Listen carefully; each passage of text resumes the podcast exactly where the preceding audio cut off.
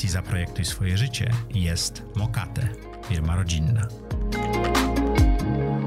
Cześć! W dzisiejszym odcinku nagraliśmy właśnie rozmowę z Tomkiem Karwatką. Chciałem Wam ją krótko podsumować. Tomek założył takie firmy jak Divante czy View Storefront i parę innych inicjatyw. Seryjny przedsiębiorca, który chwilowo jest na y, półemeryturze, jak ja to nazwałem. Tomek się z tym zupełnie nie zgadza. Słuchajcie, rozmowa, po której ja zrobię sobie y, stronę albo dwie notatek. Bardzo ciekawa rozmowa z osobą, która ma bardzo refleksyjne podejście do y, działania, bardzo refleksyjne podejście do przedsiębiorczości. Powiedziała najważniejszą rzecz dla mnie, która została, że ambicje są tym, co nas napędza, a ja dodałem, że strach jest tym, co nas ogranicza. Więc wszystko, co będziecie próbowali robić w życiu, warto robić z olbrzymimi ambicjami. Jadąc na konferencję w Nowym Jorku, tak jak to robił Tomek z bratem, pisać kod w samolocie i sprzedawać coś na najwyższym poziomie, bo jesteście tego warci i potraficie. Posłuchajcie, jak Tomek to zrobił. Zaprojektuj swoje życie. Zapraszam Was do mojej autorskiej audycji Zaprojektuj swoje życie. Przedstawiam osoby, które podjęły nietuzinkowe wyzwania życiowe i biznesowe. Rozmawiamy o tym, co nas napędza i dokąd zmierzamy. Historie opowiadane przez moich gości zainspirują Was do świadomego i odważnego projektowania swojego życia. Chcesz zostać współwłaścicielem polskiej spółki? Wejdź na emiteo.pl. Tu zaczyna się Twoja przygoda z crowdfundingiem inwestycyjnym. Cześć! Witajcie w kolejnym odcinku audycji Zaprojektuj swoje życie. Jak co tydzień, w czwartek o czwartej, zapraszamy dla Was interesujących gości, zadajemy im trudne pytania, próbujemy się dowiedzieć, co ich napędza. Jeżeli jesteście tutaj pierwszy raz, koniecznie dajcie nam lajka, zostawcie komentarz. Dzięki temu te treści dotrą do coraz większej ilości osób. A dzisiejszym gościem jest Tomek Karwatka. Cześć wszystkim, cześć. E, mieliśmy problem e, ustalając z Tomkiem, jak go przedstawić, więc stwierdziłem, że imię i nazwisko wystarczy, a z audycji e, wyjdzie lista przedsiębiorstw, które robiłeś i biznesów, które robiłeś i tych większych, i tych mniejszych, i tych, które wyszły, i te, które jeszcze czekają na swój sukces. Pasuje mi to. Tak, chyba tak. Tomku, czy pamiętasz, kiedy pierwszy raz się spotkaliśmy? Pierwszy raz się spotkaliśmy no, wiele lat temu w Złotych Tarasach. A, to, to, pamiętamy to samo. Tak, no. o, jednej, o jednej ze spółek. Tak, ty wtedy y, postanowiłeś i, i, ja zacząłem inwestować w agencję reklamową w Krakowie. Ty postanowiłeś rozwijać Software House i mieliście biznes agencyjny, którego chcieliście się pozbyć. I siedzieliśmy pod tą kopułą w Złotych Tarasach i rozmawialiśmy, czy jeden chce sprzedać, drugi chce czy to kupić. Ma sens. Czy to ma sens? Tak, no ja wtedy bardzo byłem w takim trybie y, wiary w fokus, nie? Wiary Mhm. w, y, okej, to róbmy tą jedną rzecz, skoro ona nam idzie, wymaksujmy ją, nie? Było to. To był ten moment. I to była dobra decyzja? No myślę, że była dobra. Myślę, że była wtedy dobra. To skąd rozproszenie biznesowe dnia dzisiejszego, robienie tak wielu rzeczy? Generalnie chyba jest tak, że ja i Piotrek, Piotrek mój brat i wspólnik, Mhm. często tak się uzupełniamy w takich y, trybach, wiesz, rozproszenie, zawężenie, rozproszenie, zawężenie. Czyli to I- u was jest cykliczne. Tak, I, i, i po prostu w pewnym momencie myślę, jest dobrze szukać i próbować różne rzeczy, testować ogniem, Aż się znajdzie. aż się znajdzie, a jak się już znajdzie, no to trzeba maksować, nie? I to kurczę, tego się też nauczyliśmy dopiero po jakimś czasie, bo może nawet parę rzeczy wcześniej znaleźliśmy, ale nie potrafiliśmy do sufitu z nimi dojechać, nie? To, Bo robiliście je bo przy robiliśmy- okazji. Tak, za dużo naraz, nie? Tak, to, to ja, nawet jest artykuł na newsletterze Zaprojektuj swój biznes o fokusie i to jest super ważne, do, do, dojdziemy do tego. To ja chciałem przez te cykle z Tobą porozmawiać, ale zacznijmy od początku. Jak do tej pory wyglądało projektowanie Twojego życia? Więc ja bardzo generalnie lubię, wiesz, strategiczne takie rozkminki, myślenie o strategii, więc y, zawsze sobie o strategii myślałem, aczkolwiek projektowanie życia to pewnie się u mnie tak rozpędzało i cały czas tak czuję, że jeszcze uczę się tego, więc y, na początku to było po prostu, kurczę, róbmy fajne rzeczy, nie? Czyli próbowanie. Próbowanie. Be, e, bez planu? Raczej z taką wizją, że co by było fajnie robić, z czym się fajnie czuję, nie? Jakby ja bardzo szybko zacząłem w ogóle jakieś robić takie rzeczy biznesowe jako dzieciak, jakieś projekty w ogóle To- też niebiznesowe. To pierwsza biznesowa rzecz, jaką zrobiłeś, pierwsze pieniądze, które zarobiłeś, to... Pierwsze pieniądze, które zarobiłem, to już e, powoli słynna historia z pomidorami. Mhm. E, Mam bo... tutaj takie pytanie napisane, jaka strategia sprzedażowa najlepiej sprawdza się przy sprzedaży pomidorów, tak? To chętnie się podzielę, nie wiem, czy jest nadal relevantna. Mieliśmy super rodziców.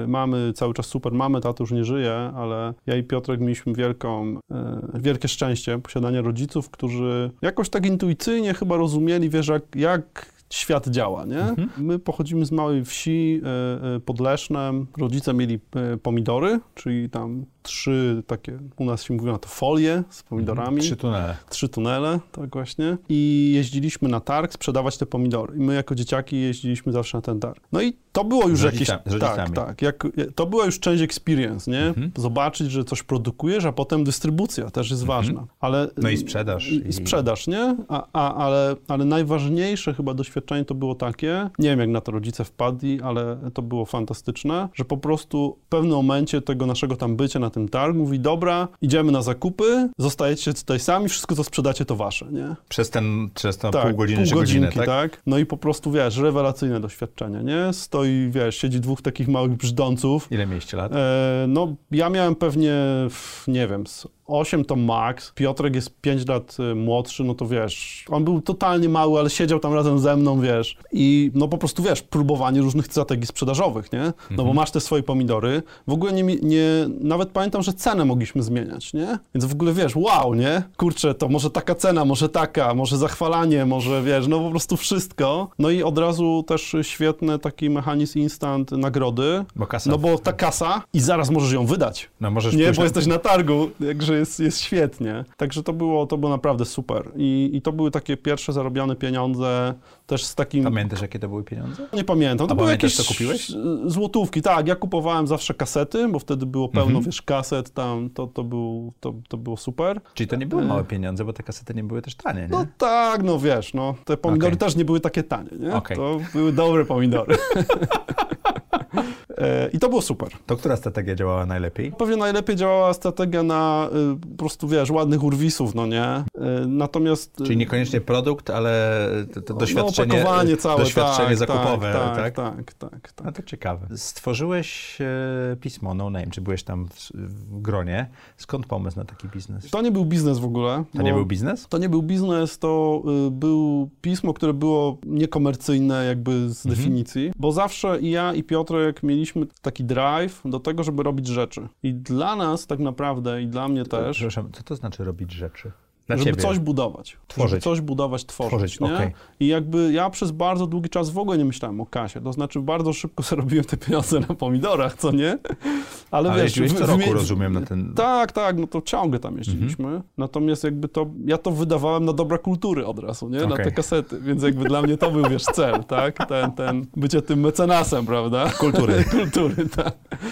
Więc to budowanie, nie pamiętam już nawet jak ten pomysł dokładnie się pojawił, ale jakby zacząłem ze znajomymi, to był czas internetu, takie wiesz, Neostrada, czyli modemy i tak dalej. Zaczęliśmy po prostu ze znajomymi z internetu robić magazyn internetowy, nie?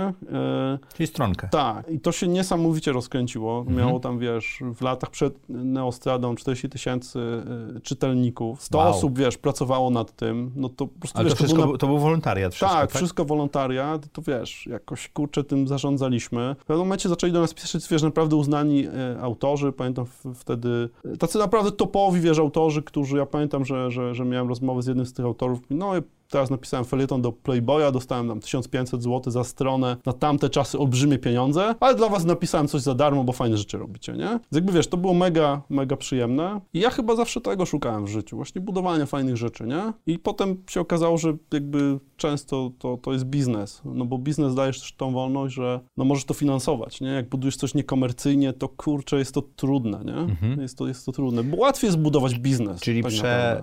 znaczy łatwiej, bo jesteś w stanie zapewnić sobie pieniądze na rozwój i wzrost, prawda? Wolność, nie? Też Tak. taką tworzenia. Bo jak tworzysz y, NGO-sa czy y, coś takiego, no to ktoś musi albo chcieć, albo ktoś musi, inny musi zapłacić, żebyś mógł robić. Tak. Przez co ma wpływ na to, co robisz, nie? Więc jest to, jest to trudny balans. Tak, ale to był taki pierwszy duży naprawdę A projekt czego internetowy. nauczyło cię takie doświadczenie? Ile miałeś lat wtedy? Naście, nie, bo to... By... Czy ogólniak? Tak, 17, nie, tak 18 to chyba maks, później już jakby nie, nie robiłem tego, więc dzieciaki cały czas, nie? Jakby myślę, że No ale to zorganizowanie kilkudziesięciu osób to też było doświadczenie, prawda? Świetne doświadczenie, świetne, naprawdę. I jak, no, ja, ja nawet pewnie lepiej do dzisiaj się czuję w budowaniu właśnie takiej, wiesz, społeczności, ludzi, którzy coś kochają robić, niż w takim menadżerowaniu ludźmi, którym płacisz za robienie, nie? Ale w Divante trochę tak działacie, bo wy macie triby zrobione, tak jak Tak, tak, tak. Spotify i inne tak, firmy, Divante prawda? zawsze było firmą generalnie też Spo- bardzo projektowaną tak na drive, na chęć robienia fajnych rzeczy, nie? W sensie... Czyli nie struktura Tak. piramidowa, tylko raczej, raczej od, właśnie... od dołu i, i, i masz fajny pomysł, kurde, go for it, nie? Rób to, Mhm. pró- próbuj. E, Co ma oczywiście mnóstwo też wad, nie? Bo ma wiele zalet, ale ma dużo wad, bo jest firma No masz dużo, taki, masz dużo takich e, przebiegów, które do niczego nie prowadzą, tak, prawda? tak, tak. Możesz nawet mieć takie wewnętrzne konkurencje, tak? Mhm. Bo, bo są ludzie czy, czy, czy trajby, które też mają, one są wszystkie ambitne, nie? Więc jakby każdy chce ten swój cel osiągnąć. Ale jakoś w tym się fajnie czuliśmy, bo to na pewno fajnie buduje. I to wynikało z, z doświadczenia na No trochę? Myślę, że tak. Jakby generalnie to takie spo... no-name to było dla mnie taka nauka, jak społeczność działa, co ludzi motywuje, czemu ktoś chce po nocach siedzieć, bo wiesz, jakby wydawanie magazynu to nie jest tylko to fancy pisanie artykułu, tylko to jest na przykład korekta, Mhm. nie? To czemu ktoś do cholery siedzi i po nocach, kurczę, robi korekty tych tekstów, nie? Czemu ktoś to składa mozolnie w HTML-u? Jakby wiesz, to całe jakby budowanie katedry, nie? I Mhm. to, że ci ludzie mówią, wow, nie? To ja zrobiłem korektę tego super tutaj pisarza, nie? A on do nas napisał za darmo, a ja zrobiłem to w HTML-u. Jakby ta taka duma, no, budowy czegoś, co jest większe niż my, to jest myślę super, nie? A to jest taki ważny, taka ważna myśl przewodnia w twoim życiu, budowanie rzeczy większych niż ty? Bo to już któryś raz to powtarzasz. No, na pewno słowo budowanie jest mi bliskie. To jest moje słowo, nie? Lubię, lubię to robić. No dobrze, to co było po No Name'ie? No, po no name'ie tak... Y, za Piotrek w tym czasie, bo nasze historie mocno są z sobą powiązane. Pomimo Piotrek- pięciu lat różnicy. Tak, Piotrek jest młodszy, Piotrek to jest ten prodigy kid, ten wiesz, y, super bystrzak, który tam kurczę kodował i pamiętam, że y, właśnie Piotrek mając 13 lat pisał software'y, też y, darmowe, wtedy było coś takiego jak freeware, Mhm. dzisiaj to jest freemium, nie, ale Mhm. wtedy to był freeware i Piotrek zrobił jedną niesamowitą rzecz, był wtedy taki e, edytor HTML, on się nazywał Pajączek, Mhm. bardzo dużo ludzi go używało i Piotrek popatrzył, mówił, że kurczę, 59 zł za taki prosty program? Ja taki napiszę, taki sam i go dam ludziom za darmo, nie? Taki, Zrobił. wiesz, ro, Hood. No i oczywiście go zrobił za darmo, nazwał go Zajączek, żeby było śmieszniej, wiesz, Pajączek, Zajączek. E, no i on się stał e, też bardzo popularny. E, No i miał tam oczywiście jakieś, ten, ten autor biedny tak naprawdę tego pajączka napisał do niego, że kurczę, co ty, co ty robisz w ogóle? Rozwalasz rynek, nie? rozwalasz rynek i w ogóle pozwę cię i tak dalej. A Piotrek mówi, no to przepraszam, to ja pozmieniam trochę te ikony, ale zmień nazwę. A Piotrek tam mu pisze, ale ja tak dla mamy wymyśliłem, wiesz, on miał 13 lat, nie? No dobra, to zostaw tą nazwę, nie? Więc wiesz, Piotrek robił, robił te, te softy, no i w pewnym momencie odezwało się do nas jedno, drugie wydawnictwo. Wtedy też w tym czasie była taka fala, nie wiem, czy, czy kojarzysz, pism, tak, ale wiesz co, też y, wchodzenia polskich programów, że pierwsze CD z polskimi grami, programami, to był wiesz taki moment i zaczęły się do nas odzywać firmy i pierwszy program sprzedaliśmy tam kilka tysięcy złotych. Co było kupą kasy Tak, wtedy, dla nas to też było, wiesz, wow, nie? Ktoś to chce kupić. I zaczęliśmy robić programy, teraz ta firma się nazywa Playwave, duży sukces na giełdzie, ale wtedy no, oni mieli swoje początki. I robiliśmy software takie, które oni wydawali w Polsce i na, na całym świecie, software i gry. Robiliśmy to, było mnóstwo zabawy, wiesz, z tym. Ty E, też kodowałeś? Nie, ja robiłem grafikę, bo ja generalnie jakby gdzieś tam od, od grafiki zaczynałem, nie? Mhm. E, Ja robiłem grafikę, wymyślałem te, te programy, jakby menadżerowałem tym, bo tam dużo kontentu akurat, wiesz, tam trochę było tej pracy, nie? Mhm. No i to robiliśmy przez parę lat z Piotrkiem i później się rozeszły nasze drogi, bo ja poznałem moją e, żonę Anetę i Aneta jest, była z Zielonej Góry i bardzo chciałem jakoś zamieszkać razem. Mhm. Nie, mog, nie mogliśmy pracy znaleźć y, Aneta w Lesznie, a w Zielonej Górze, więc stwierdziliśmy, że do Wrocławia się przeprowadzimy. I we Wrocławiu znalazłem szybko pracę w takiej firmie e, Jan Media Interactive. To była firma amerykańska, która myślała o tym, żeby miała deweloperów w Polsce i myślała o tym, żeby też zacząć w Polsce mm, sprzedawać. No i to jest niesamowita historia. No, oni byli na tyle szaleni, że mnie zatrudnili, nie? Jakby na sprzedawcę na Polskę. No idea tak naprawdę, co ich przekonało. Może ten no-name jakby taki, że bardzo chciałem, ale ja byłem najgorszym sprzedawcą, jaki kurde był we Wrocławiu wtedy. Nie? Ja naprawdę nie wiedziałem nic, naprawdę. Mhm. Ale nauczyłeś się dzięki temu. Nauczyłem się, nie? I, i, i, I nauczyłem się też w bardzo fajny, zabawny sposób, no bo z jednej strony jakby e, właściciel Mati, no to bardzo amerykańskie takie podejście, Mhm. nie? Mówi, no okej, lepiej próbuj, najwyżej będziesz przepraszał, nie? I to jakby, czasami to widzę u ciebie, że ty masz też tę, jakąś taką, wiesz, tą naleciałość taką amerykańską, że kurczę, go 10, for it, 10 nie? lat w Stanach to Tak, zostaje. Że, że takie, wiesz, a najwyżej przeproszę, nie? Więc tam była też taka kultura, No nie? jest takie powiedzenie, że jest łatwiej prosić o przebaczenie niż o pozwolenie, tak? Dokładnie tak, nie? Mhm. Szczególnie, że wiesz, masz strefę czasową, w- to Mati mówi, w ogóle to róbcie najwyżej, potem mi powiecie, co zrobiliście, nie? Mhm. No więc to było bardzo fajne. Z drugiej strony jednak, wiesz, jeździłem po Polsce, ta firma była w Washington DC, więc oni mieli kontrakty, wiesz, World Bank, NASA, jakieś naprawdę kosmiczne rzeczy. A, a ty jakieś małe firmy przynosiłeś? No i wiesz, nie, gorzej. Ja jeżdżę, kurczę, wiesz, firma z Wrocławia, której nikt nie, nie, nie zna. W ogóle, wiesz, fajnie się nazywa w Stanach Jan Media, w Polsce Jan Media. Każdy myśli, że właściwie to pewnie Jan jakiś. I wiesz, przyjeżdża jakiś gościu, który się na niczym nie zna i mówi, że wiesz, my jesteśmy super agencją, tylko o nas nigdy nie słyszeliście, bo jesteśmy z Ameryki, ale wiesz, my robimy dla NASA, nie, nie? I pokazuje im jakieś obrazki z NASA, a ci goście mówią, jasne, na pewno tak robicie, zadzwonimy do pana. No i pierwsze pół roku to wiesz, to było takie... Nic nie sprzedałeś.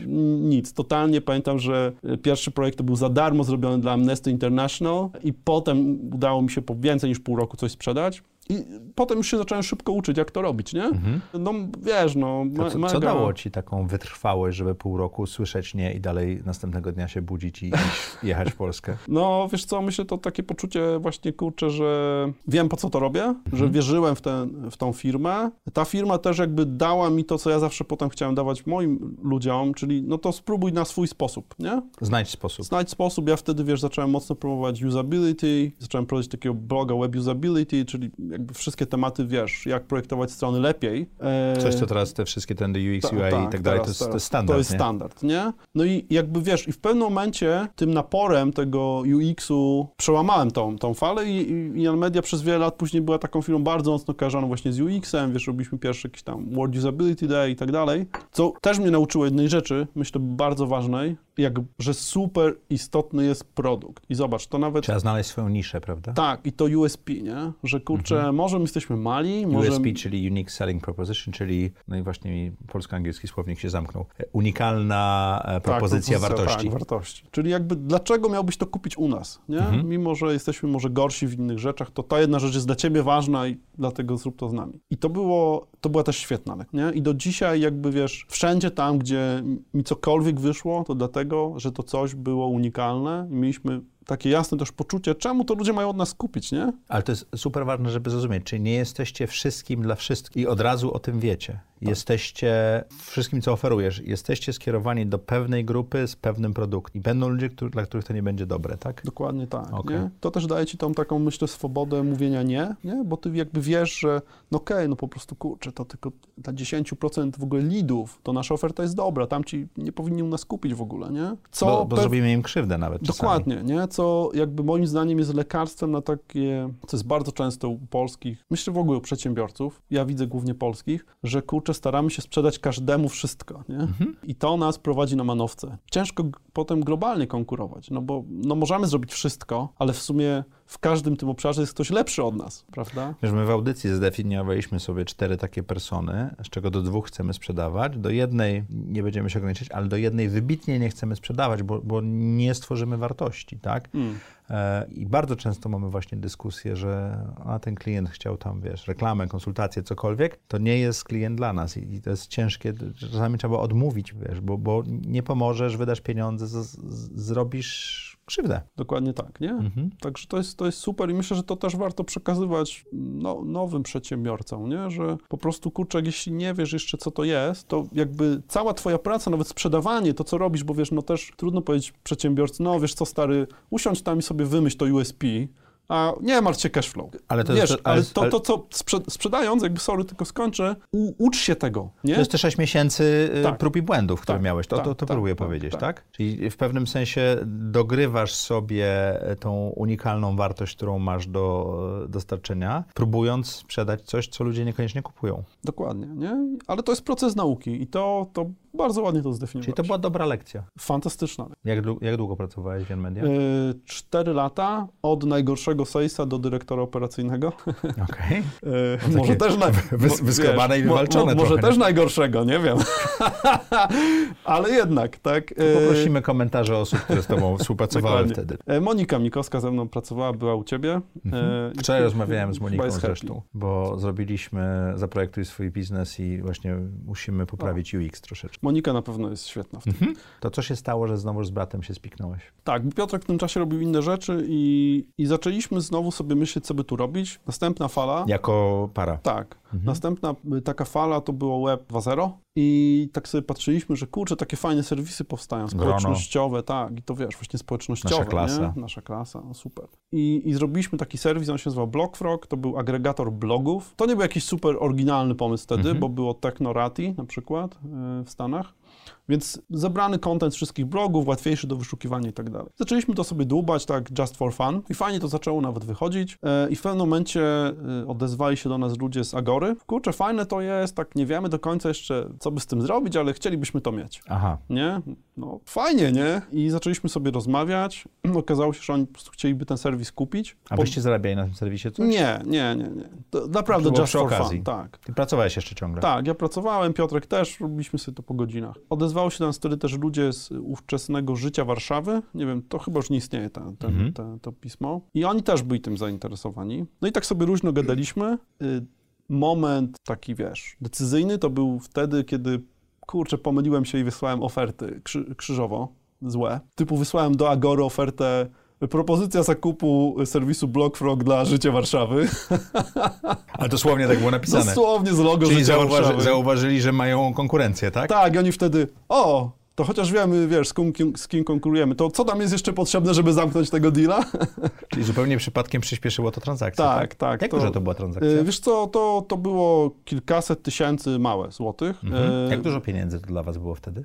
Dla nas to było dużo pieniędzy. Myślę, Ile zarabiałeś wtedy? Podobne pieniądze? Większe? To Nie, rok, no, rok zarobków? Wiesz co, no w Jan Media dobrze też zarabiałem wtedy, Mhm. ale no to było takie pół roku może zarobków, nie? Ale takie wiesz, jest jednorazowy strzał całkiem- wiesz, super, nie? To, to, to nie jest mało pieniędzy, nie? A, absolutnie. Za coś, co robiliście hobbystycznie po godzinach, Robiliśmy tak? hobbystycznie po godzinach, jeszcze fajny deal wynegocjowaliśmy wtedy. Jak coś Agora na tym zarobi, to będziemy jeszcze mieli z tego jakiś tam profit. Super w ogóle, nie? Mhm. Dla nich to w ogóle totalny peanuts, myślę, ale im się też pewnie podobało to, jak my pracujemy. I super ludzi tam poznaliśmy w, w tej Agorze, więc bardzo dużo się w ogóle nauczyliśmy. Wiesz, Ale zosta zostałeś jeszcze w pracy? Y, Tak, tak, zostałem, to było sprzedane i, i, i jakby to był dla nas taki argument, że to może zróbmy coś razem, Piotrek, tak na poważnie, nie? Mamy te parę stów, Albo bawiąc się zrobiliśmy, z- wytworzyliśmy Mm. coś wartość, tak? fajnego, nie? Mhm. Więc Czyli fajnie te by parę było... stów nie poszło na, e, na kasety. Nie, nie. nie. I założyliśmy Divante wtedy Mhm. z taką myślą, słuchaj, że będziemy robić soft do zarządzania wiedzą, bo y, bardzo nam się podobała taka idea zrobienia takiej Wikipedii dla firm i zrobiliśmy coś, co nazywa Business y, Wiki i to był naprawdę fajny pomysł i naprawdę fajny produkt i nawet go paru klientów ze Stanów kupiło, tak w ogóle, wiesz, e, przez internet. Natomiast generalnie to był 2008, w Polsce się rozpędził ten kryzys finansowy i wszystkie firmy, jak przyszliśmy do tych firm, mówimy, słuchajcie, no świetny pomysł, będziecie zarządzać tutaj wiedzą, ludzie będą chcieli zostać w waszej firmie dłużej. Oni mówią, ale my nie chcemy, żeby zostali, my ich chcemy zwalniać. nie chcemy, nie chcemy, to nie jest nasz problem w ogóle, nie? Jakieś zarządzanie wiedzą. Nasz problem to jest, że mamy za dużo ludzi, e, więc no to się nie przylepiło do rynku. Mhm. Zaczęliśmy wtedy też widzieć, że no e-commerce super działa. Jak było dobrze, to e-commerce sobie rósł tam przedtem, a jak było źle, no to on nadal rósł, bo ludzie szukali oszczędności. Ja miałem przez chwilę swój sklep internetowy i wiedziałem też, jak ciężko jest znaleźć firmę, która robi tam technologię do sklepu internetowego. No i robiliśmy, tak, zrobiliśmy takiego pivota ratunkowego, nie? Żeby Czyli- uratować tak, firmę. firmę tam wtedy. firma to było ile osób? Wiesz co, 10, coś Okej. takiego, nie? Ale zainwestowaliście pieniądze z transakcji za gorą. Tak. I ty już nie pracowałeś. Już wtedy nie pracowałem, Okej. robiliśmy tylko to, więc musieliśmy zrobić pivota do e-commerce. No i wtedy jakby kolejny taki dobry wybór to było to, że widzieliśmy, że jest taka technologia Magento, wtedy zaczynała na samym początku i było wiele różnych technologii i to Magento to było takie dla inżynierów zrobione. Wreszcie porządny software do sklepów internetowych. I bardzo mocno w to zainwestowaliśmy i to było... Wiedzę. Tak, chcę też o tym powiedzieć, bo jakby to jest taki kolejny, taka fala. My też, jakby to gdzieś, myślę, charakteryzuje też mnie i Piotra, że staramy się wypatrywać takich fal. Nie uważamy siebie za jakichś super biznesmenów, a płynięcie na fali bardzo pomaga dopłynąć dalej. Nawet jak nie płyniesz super, nie? Możesz być słaby na tej desce surfując, ale jak fala jest dobra, to cię poniesie, Poniesie tak? cię, nie? Okay. Więc jakby wybranie dobrej fali, Magento było na początku trudne, bo wszyscy klienci, my wtedy byliśmy firmą, wiesz, taką polską, sprzedaliśmy w Polsce, wszyscy klienci byli w takiej opozycji, że co to jest, przecież polskie firmy robią polskie systemy e-commerce i jakby te polskie są lepsze. Myśmy już tłumaczyli wtedy, wiesz, open source to jest potęga, kurczę, community, tyle deweloperów na całym świecie i to, no, 5 lat firmom zajęło w Polsce zrozumienie tego, ale dzięki temu, że to był do, dobra fala, no to staliśmy się takim go-to firmą, do której wszystkie Ale duże firmy szły robić Magento. Przez te 5 lat? Tak, tak, A oczywiście. klientów mieliście tylko w Polsce? No, przez 5 lat pierwszych tylko. Mhm. I jak, natomiast też może taka lekcja, którą my sobie odrobiliśmy, że my też bardzo szybko zrozumieliśmy, już myślę po Jan Media to miałem, że klienci cię definiują w firmie usługowej. To znaczy, wiesz, w firmie usługowej klient mówi ci, co masz robić. Więc jeśli Mhm. masz dobrych klientów, to będziesz robił dobre rzeczy, będziesz miał dobrych ludzi, będziesz miał sukces. Jak będziesz miał złych klientów, to będziesz miał masakrę, nie? Więc A będziesz ciągle wiązał koniec końcem, prawda? dokładnie i ci klienci ciągle cię będą spychać w zrobienie złych rzeczy, jakby,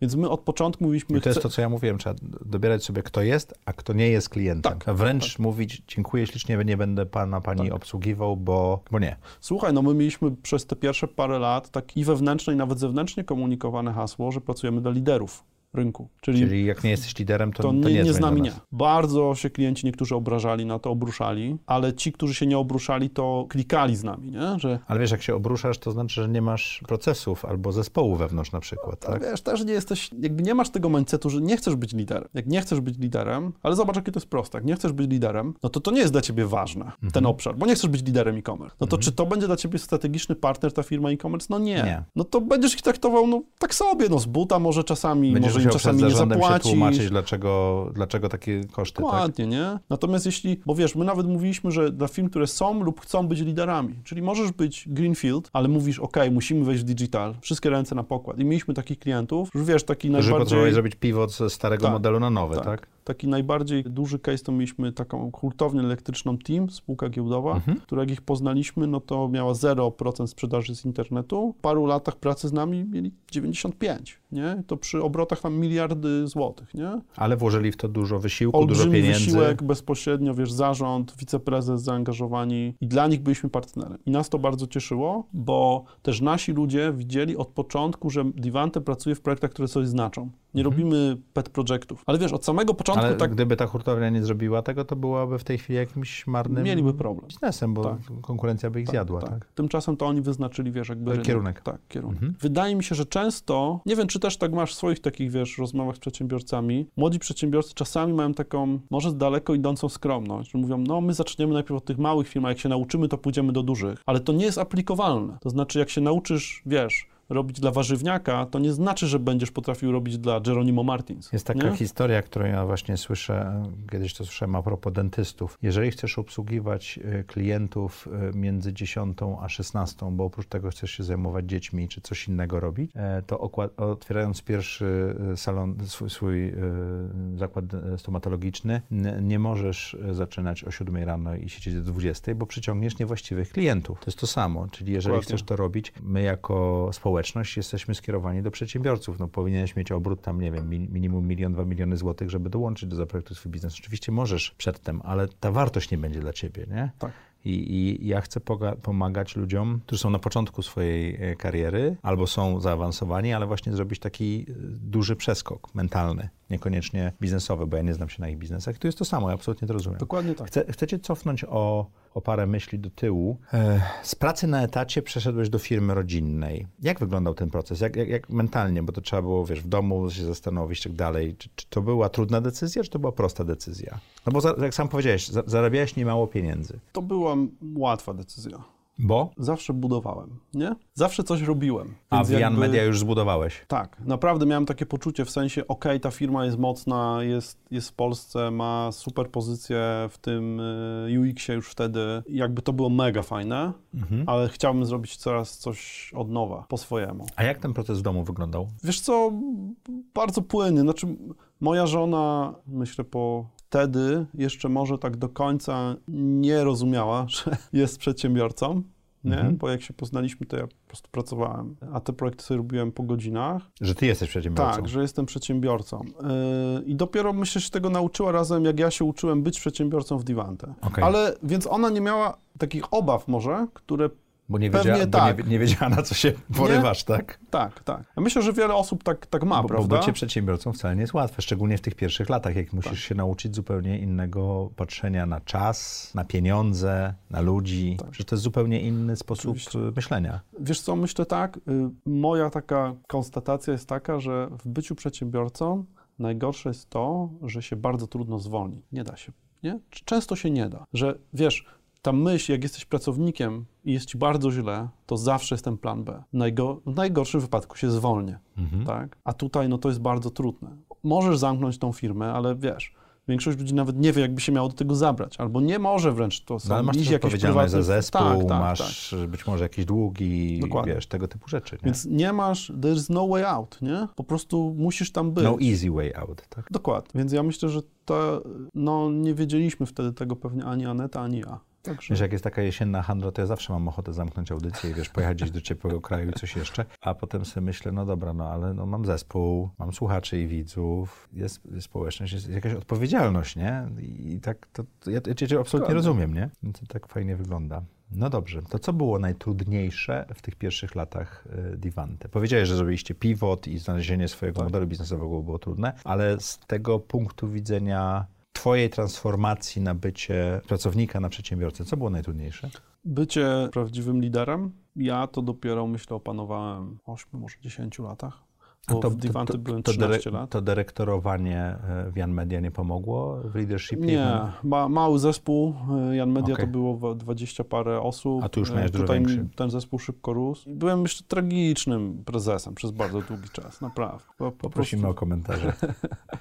E, Nawet wiesz, ja myślę, że jakby ja w to wiem, nie? Jakby też A rozmawiałem. wiedziałeś wtedy? Wtedy oczywiście nie, bo to nie było działanie celowe, prawda? Mhm. Natomiast ja jestem, wiesz, na, na pewno zawsze byłem dobry w sprzedaży, byłem dobry w marketingu, lubię budować, więc jakby miałem bardzo taki silny drive, żeby to, co robimy, było super, ale myślę, że często kosztem ludzi, nie? Takiego, wiesz, za bardzo puszowania, kurczę, jak nie się nie da, da się, wiesz. A z drugiej strony to jest ważne dla firmy na początku. Tak, prawda? ale to, wiesz, myślę, że ten balans mógł być lepszy Mhm. i jakby dzisiaj bym to inaczej zrobił. A co twój brat wtedy robił w firmie? E, Zajmował się technologią dłu- długo, po prostu też na, na samym początku to, to, to było po prostu, wiesz, Piotrek kodował, ja sprzedawałem, nie? Jakby Mhm. razem z tymi Cała zespołami siedzieliśmy. was, was, was dwóch Tak, ale nawet osób. wiesz, nawet przy takiej 20-osobowej firmie, no to wiesz, każdy robi swoje i, i naparzamy, nie?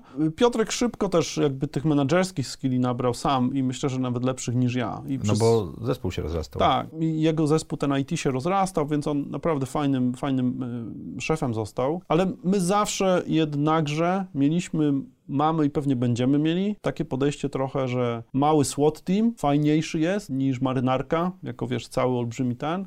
I bycie kapitanem tak mnie nie cieszy, jak bycie jednak na tej linii pierwszej. I tam, Bycie, jak bycie wiecie. piratem. Tak. No, jak to mówił Steve Jobs. Tak. Więc to, to było trudne, nie? Jakby to zostanie menadżerem. Myślę, że wie, wiele osób ma. Ta, A jak trudność. sobie radziłeś z nawałem pracy i życiem osobistym? Tam work-life integration na Kiepsko. początku. Myślę, że jakby wiesz, w ogóle work-life balance to chyba jakby nie dotyczy przedsiębiorców, wydaje mi się. Pracoholizm? No tak, na pewno, ale też tak myślę jakby, żeby powiedzieć coś mądrzejszego, no bo to wszyscy wiedzą, nie, że jakby to... Nie wszyscy to wiedzą, bo nie, nie, nie wszyscy, którzy nas słuchają, prowadzą własne firmy. Okej. Niektórzy myślą o tym, więc warto Tak, to, pokazać prawdę też czasami. tak, no to, to, to, jest, to jest brutalne, naprawdę. Co to I- znaczy brutalne w godzinach, czy też w Wiesz co, odczuciach? brutalne myślę w zawodzeniu bliskich, nie? Mhm. To, jest, to jest ta brutalność, że kurczę, wiesz, są sytuacje, gdzie ty w tym nawale tego, wiesz, w firmie takiej e, szybko rosnącej usługowej, jakim było wtedy Divante, to masz sytuacje takie, że wiesz, masz jednego dnia info, że e, ktoś nas pozwał do sądu, bo zrobiliśmy coś nie tak, jak powinniśmy. I w sumie wiesz, że zrobiliśmy źle, nie? W sen- w sensie rozumiesz i musisz zawalczyć tu i teraz, jednocześnie zastanowić się, czemu to zrobiliśmy źle, bo to już tak trzeci raz źle zrobiliśmy i ta procedura chyba w ogóle nie działa u nas, ten proces. Jednocześnie w godzinie musisz gdzieś pojechać i spotkać się z nowym klientem i mu powiedzieć, że jesteśmy super i w ogóle mam najlepsze procesy i musisz w to uwierzyć, bo jeśli w to nie uwierzysz, To to, nie będziesz sprzedasz. go kłamał i nie sprzedasz, nie? Y, Masz spotkanie o jakiejś umowie, a twój najlepszy programista właśnie złożył wypowiedzenie, no nie? I jakby to, to jest jeden dzień, Mhm. więc jakby... A jednocześnie wpł- wpływa parę milionów na konto, tak? Które pokrywa długi albo nie. No oczywiście, nie? Jakby, więc y, jesteś w takim hero mode, że naprawdę myślę, że łatwo jest ci uwierzyć, że to jest ważniejsze niż twoja rodzina, bliscy, przyjaciele, wiesz. Bo ten, ten cykl dopaminowy bardzo, Tak, bardzo często się powtarza w ciągu dnia, prawda? Rozstraja cię zupełnie, nie? Mhm. I bardzo łatwo jest ci powiedzieć, o tam, okej, zapomniałem o nie, urodzinach, o czymś, a to uratowałem firmę. Mhm. Tylko, że twoi bliscy przyjaciele, oni o tym nie wiedzą, nie? No bo też jakby... Bo oni cię widzą od momentu, kiedy wejdziesz do domu, Tak, przyszedł, przyszedł do domu zmęczony jak zwykle i w sumie, kurczę, były moje urodziny, a wiesz, co jest grane, nie? A zapomniałeś o urodzinach? Podaję to jako przykład. Chyba nie, albo jeszcze sobie nie przypomniałem, prawda?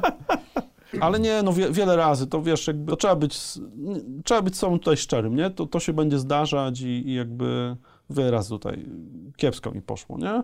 Więc jakby później się tego uczyłem, teraz się cały czas tego uczę, nie? Jakby jak to sobie balansować, ale będąc w tym takim trybie budowania szyb, szybkiego, to jest trudne, nie? E, Divante stało się dużym sukcesem. Po 13 latach zrobiliście no, taki duży pivot. Pamiętam naszą rozmowę na kawie w pewnej kawiar- kawiarni tuż przed, pod budynkiem e, grupy pracy, bo ja chyba byłem przed radą nadzorczą, czy przed jakimś spotkaniem i tam się przecięliśmy i zadawaliśmy wtedy pytania, czy sprzedawać, czy nie sprzedawać, czy, czy to zrobić, czy nie zrobić, co o tym myślę. Jak wyglądała ta decyzja, żeby y, wyjść operacyjnie z firmy? Po nastu latach budowy Divante, Zbudowałeś już znowuż. Tak. Y, I też zaczęliśmy w Divante, wiesz, budować produkty. Nie? Wróciliśmy do tego, co najbardziej kochamy. Zrobiliśmy... Czyli tego, co było oryginalnym pomysłem na tak, firmę. Tak, tak. Bo wygenerowaliśmy tyle, wiesz, ebidy i cashu, że jakby czuliśmy się on the safe side, nie? Mhm. Zbudowaliśmy pierwszy produkt Open Loyalty i później View Storefront zaczął łapać trakcję, drugi produkt. Więc mieliśmy też takie czucie, że okej, kurczę, fajnie to budowanie wychodzi. Znów przypomnieliśmy sobie, jak to fajnie się czuć i stwierdziliśmy, że to chcemy zrobić i mieliśmy właśnie y, ileś takich rozmów miałem właśnie jak ta nasza, żeby złapać trochę dystans, taki wiesz, okej, jak to z Życio- zewnątrz wygląda. Tak, tak. I rozmawialiśmy też wtedy z naszymi y, partnerami, wspólnikami, y, y, grupą OX, że no słuchajcie, kurczę, my chcemy wrzucić do budowy produktów, mamy firmę, która jest wspólna nasza, więc chcemy no, podjąć taką mądrą decyzję o, o sukcesji. I to, słuchaj, od tych takich przemyśleń naszych do sukcesji minęły trzy lata. I to był proces, To, który był proces. I, I rozmowy ze wspólnikami, Tak, rozmowy z tak, wami, rozmowy tak, z zespołem.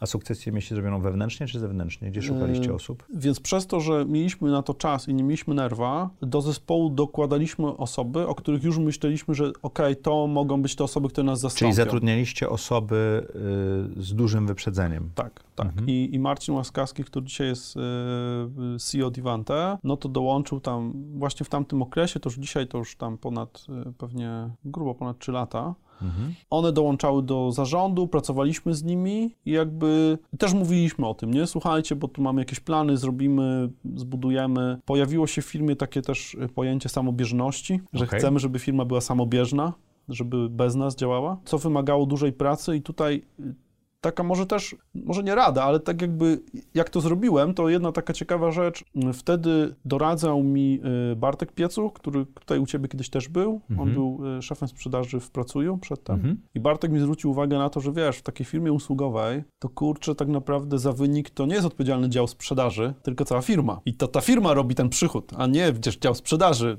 Dział sprzedaży Dział sam nie sprzedaży zrobi. otwiera drzwi. Dokładnie, nie? Mhm. Ładnie powiedziane. To jak tą firmę zaangażować? I pamiętam, że zrobiliśmy takiego wielkiego Excela, który pokazywał, jak Divante naprawdę działa. Bardzo szczegółowo. Procesy rozpisaliście. P&L-a.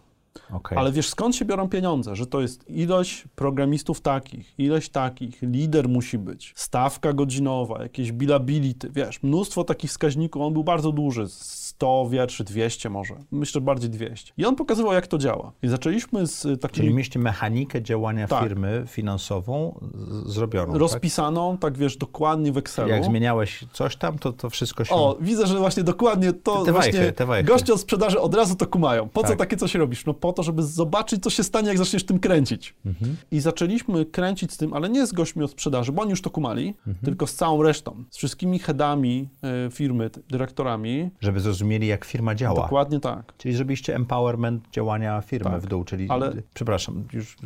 Przewa... Przepraszam, prowadząc zawsze przerywa. Mów. Przerywasz, bo to znasz, nie? No. Wiesz co, najwa- najfajniejsze było to, że robiliśmy coś takiego, że robiliśmy to na przykład na jeden miesiąc do przodu, jak nam się wydaje, a po miesiącu się spotykaliśmy i patrzyliśmy, wiesz, a Co jak zadziałało? wyszło naprawdę. Nie? Były duże Tak. różnice? Duże i coraz mniejsze, z miesiąca na miesiąc. Bo uczyliście się, jak działa firma. Dokładnie. I w pewnym momencie mieliśmy bardzo dobre już prognozowanie, takie naprawdę kilkuprocentowe różnice, co w usługach to jest, wiesz, naprawdę trudne. I ludzi, którzy naprawdę rozumieli, jak ich praca przekłada się na przychody. To bardzo mocno zadziałało i to się przyczyniło do takiej właśnie samobieżności. Druga rzecz, no to Znaczy, uważam... oni znaleźli wspólny język, żeby między sobą rozmawiać między różnymi Dokładnie działami, tak? I poczuli, że to oni mają wpływ. Że Mhm. to nie jest tak, że sales mi przyniesie projekt albo nie, I ja muszę go dostarczyć i męczyć się. Tylko, okej, a może ja nie potrzebuję nowego projektu, nie? Może ja mogę zrobić wynik, wiesz, po prostu lepiej robiąc to, co robię. Też na przykład zrozumienie, okej, to jakich ja ludzi powinienem zatrudnić, bo mieliśmy tam, wiesz, pojęcie takich osób, które na są konieczne, żeby projekt się udał, czyli mamy na przykład 10 deweloperów, ale jeśli nie mamy tam key dewelopera wśród nich, to nie możemy zacząć projektu. I również jak projekt się kończy, czy pewne osoby powinny zostać w firmie, czy sprzedaż musi coś przy, przynieść nowego, co z tym zrobić, nie? Bo to, to ci daje taką widoczność. Mhm. Więc jakby ta mechanika to była jedna rzecz, druga rzecz to wartości, czyli jakby zastanowienie się, z czego my jesteśmy dumni, co nam się podoba w firmie, też z ludźmi zrobione, co my jako, wiesz, ludzie pracujący w Divante chcemy, żeby, żeby Divante miało i zachowało przy wzroście. No i jakby to, to była ta podstawa, później takie już operacyjne wymyślenie tego, jakie trzy wskaźniki są najważniejsze dla nas w firmie. Ustaliliśmy, że to jest REWE, czyli przy, przychody, jak one tam mają rosnąć z kwartału na kwartał, No bo to napędza całą tą maszynkę. Dokładnie. I też ludzie już rozumieli, że aha, rewę to mi daje, że mam ludzi, że nie muszę się o nich martwić, że mogę dać podwyżki. Dokładnie, nie? Dwa NPS od klienta, czyli Net Promoter Score, Mhm. czy klient jest happy. I dwa ENPS, czyli NPS, ale dla pracowników. Czyli Employee e, Tak. Net Promoter Score. Tak. Czyli to, czy ludzie zostaną, czy też trzeba będzie za chwilę rekrutować e, dziesiątki osób. I tak? zobacz, do takiej firmy usługowej te trzy wskaźniki to jest perfekcyjny, kurczę, balans tego, co ty robisz. Bo tak, możesz albo cisnąć i mieć zadowolonych klientów, niezadowolonych ludzi, będziesz miał zaraz problem. Albo vice versa. albo odwrotnie, albo może mieć te dwie rzeczy ok, ale nie dbasz o kasę i tak się wywali, bo rewe Mhm. nie rośnie. A firmy usługowe są trochę jak rekiny, że muszą rosnąć. Muszą ciągle płynąć. Muszą płynąć i muszą rosnąć, bo jak przestają rosnąć, to wiesz, nie masz na wzrosty wynagrodzeń, nie masz na rozwój ludzi, więc najlepsi ludzie odchodzą, więc zostają ci słabi i to wszystko zaczyna się, kurczę, składać. Czyli to, że trzy lata temu zacząłeś e, chodzić po rynku, rozmawiać z różnymi ludźmi, bardzo ci pomogło w zrobieniu takiej transformacji. Tak, tak. A skąd był ten pomysł, żeby zapytać się na zewnątrz? Znaczy, ja zawsze się pytam na zewnątrz, w sensie ja lubię się od uczyć, zawsze? Od zawsze i lubię, lubię gadać z ludźmi. Też wiesz, mądre pytania to jest zawsze pretekst, żeby się spotkać z mądrymi ludźmi, bo wstyd Mhm. zadać im głupie pytania, nie? Więc jakby to jest zawsze też przyjemne z pożytecznym, nie? Pamiętam, nasze spotkanie było mega fajne, jak zwykle takie challenge'ujące. Pamiętam, że coś mi powiedziałeś z typu, to weź się zastanów, czemu tak nie zrobiłeś, czemu na to szybciej nie wpadł. I faktycznie, No, mam tendencję do robienia wrednych komentarzy, wiem. Ale one mają pobudzić myślenie. Tak, tak, tak. Ja jestem totalnie z tym okej, nie? Mhm. Jakby myślę, że mam podobny mindset. No i jakby, wiesz, szliśmy sobie, w tym, pamiętam, że ostatnie takie OKR-y, które miałem, to, to było, że Tomek nie podejmuje żadnych decyzji, bo w którymś tam ostatnim był OKR. kwartale, tak. Czyli nie robienie nic było bardzo ważne. Tak, i że ludzie też wiedzieli, bo OKR były publiczne, że jak przychodzili ludzie do mnie, no dobra Tomek, a co robimy? Mówię, no świetne pytanie, sprawdź mój OKR, nie?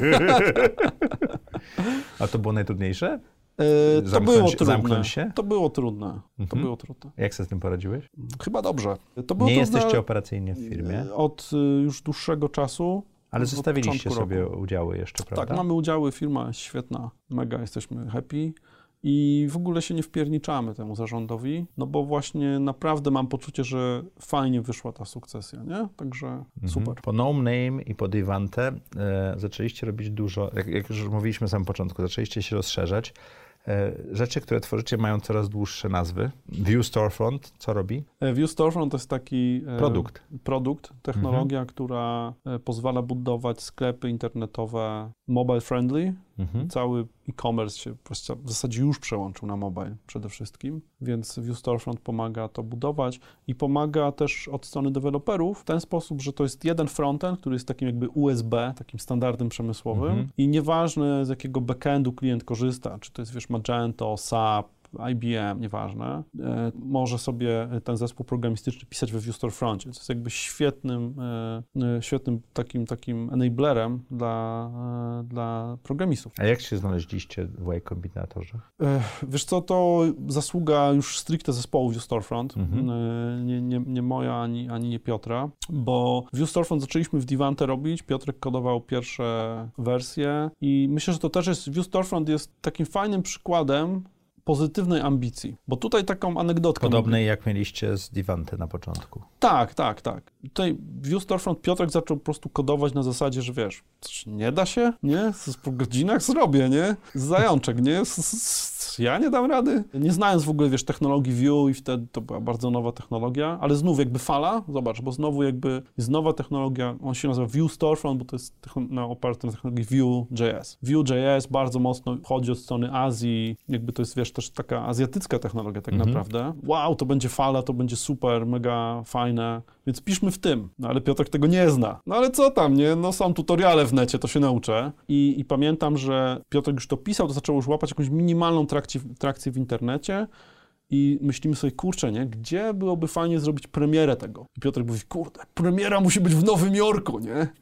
Okej, okay, nie, ale wiesz, ale jak? Kto za to zapłaci?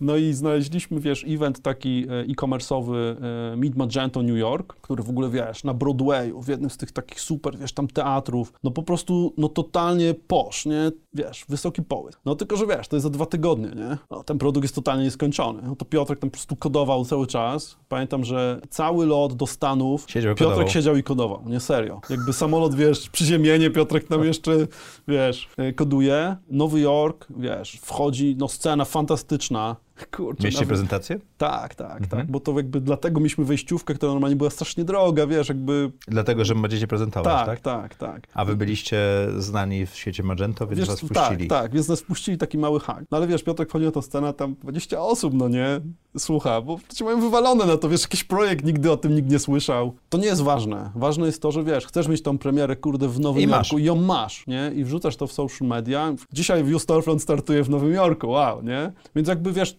to zawsze I nieważne, że tam było 20 osób, Nieważne, tak? nie? Jakby, ale byliśmy tam, dopięliśmy tego, nie? Mhm. Zawsze ta, ta, taka pozytywna ambicja, że wiesz, kurczę, spróbujmy, uda się, nie? Spróbujmy. To ona prowadzi do super rzeczy, nie? I Viewstorm był taki zawsze turboambitnym projektem, więc jakby jak w Divante go rozwijaliśmy i szukaliśmy ludzi, którzy mogliby dołączyć do tego zespołu, bo, bo chcieliśmy tak jak wszystko w Divante, żeby to był taki niezależny, wiesz, tribe, no to szukaliśmy turbo takich ambitnych ludzi, nie? I takich dokładaliśmy Patryk, Filip, później Bartek, to są osoby, które są po prostu super ambitne. Więc to jakby... Także dla nich Y Combinator nie, był, nie było barierą, tylko metodą, nie, tak? to było po prostu, wiesz, jakby... Ja pamiętam, jakby cały ten proces wydzielenia był trudny i, i, i tam wsparły nas dwóch dobrych VC, Movens i, i Smog i pamiętam, że w ten dzień, kiedy podpisaliśmy papiery Smog i Movens, to pierwszy call był tego dnia, że wiesz, super, dziękujemy, by the way, wskoczcie jeszcze na kola za dwie godziny, nie? A za dwie godziny był call, wiecie, by the way, dostaliśmy się do YC, no nie?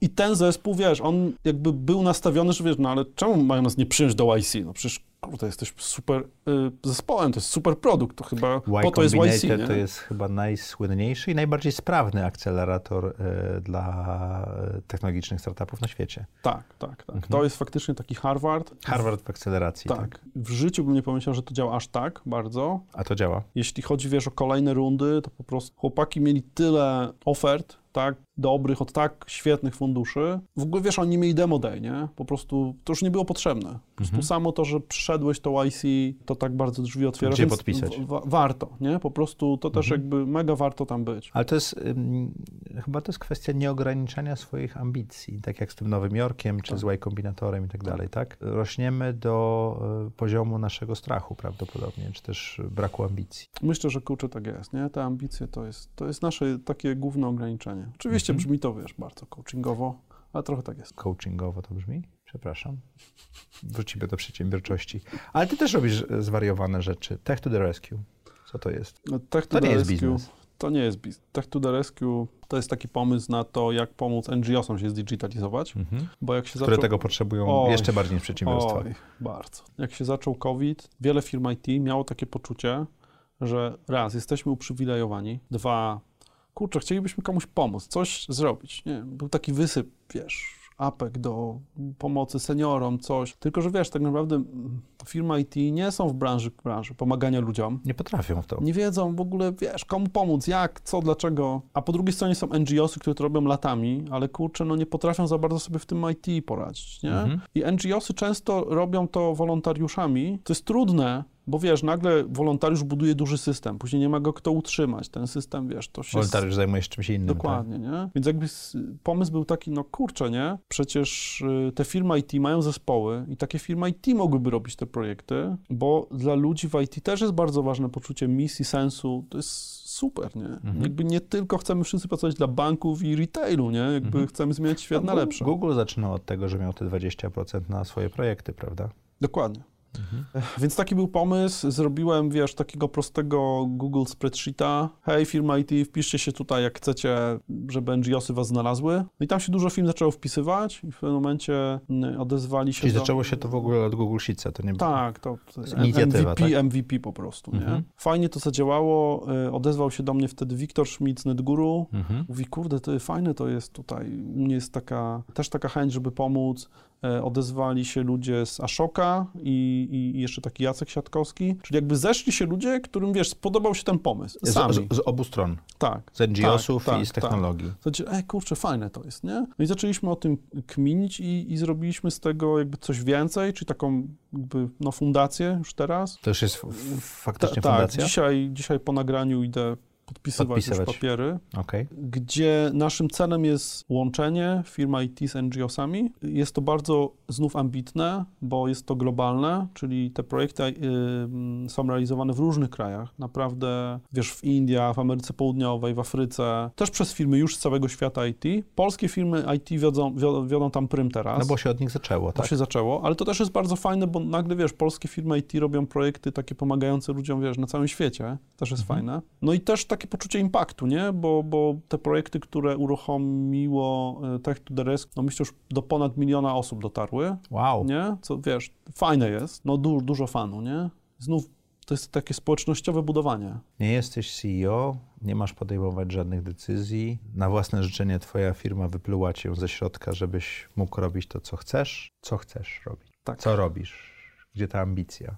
Razem z Piotkiem prowadzimy takie startup studio, nazwaliśmy to, każde tornado. Akcelerator? nazwy, Tak. Startup Studio to akcelerator? Tak, coś, coś Mhm. takiego. Taki polski Y Combinator niedługo? O, myślę, że takich ambicji nie mamy. Mamy inne. Ale zawsze macie ambicje, to czemu? Tak, ale nie takie. Wiesz co, mm, co dla nas jest ważne, my lubimy bardzo budować, więc chcemy być troszkę może bardziej aktywni. Szukamy y, ludzi, którzy chcieliby zbudować y, startup w obszarze, no takim e-commerce'owym, enterprise software, software'u, który wspiera e-commerce. Zobacz, Mhm. bardzo, bardzo niszowo. Software, który wspiera e-commerce. Nie e-commerce, tylko narzędzia. Tak. Mhm. Gorączka złota, my sprzedajemy łopaty? Mhm. I kilofy.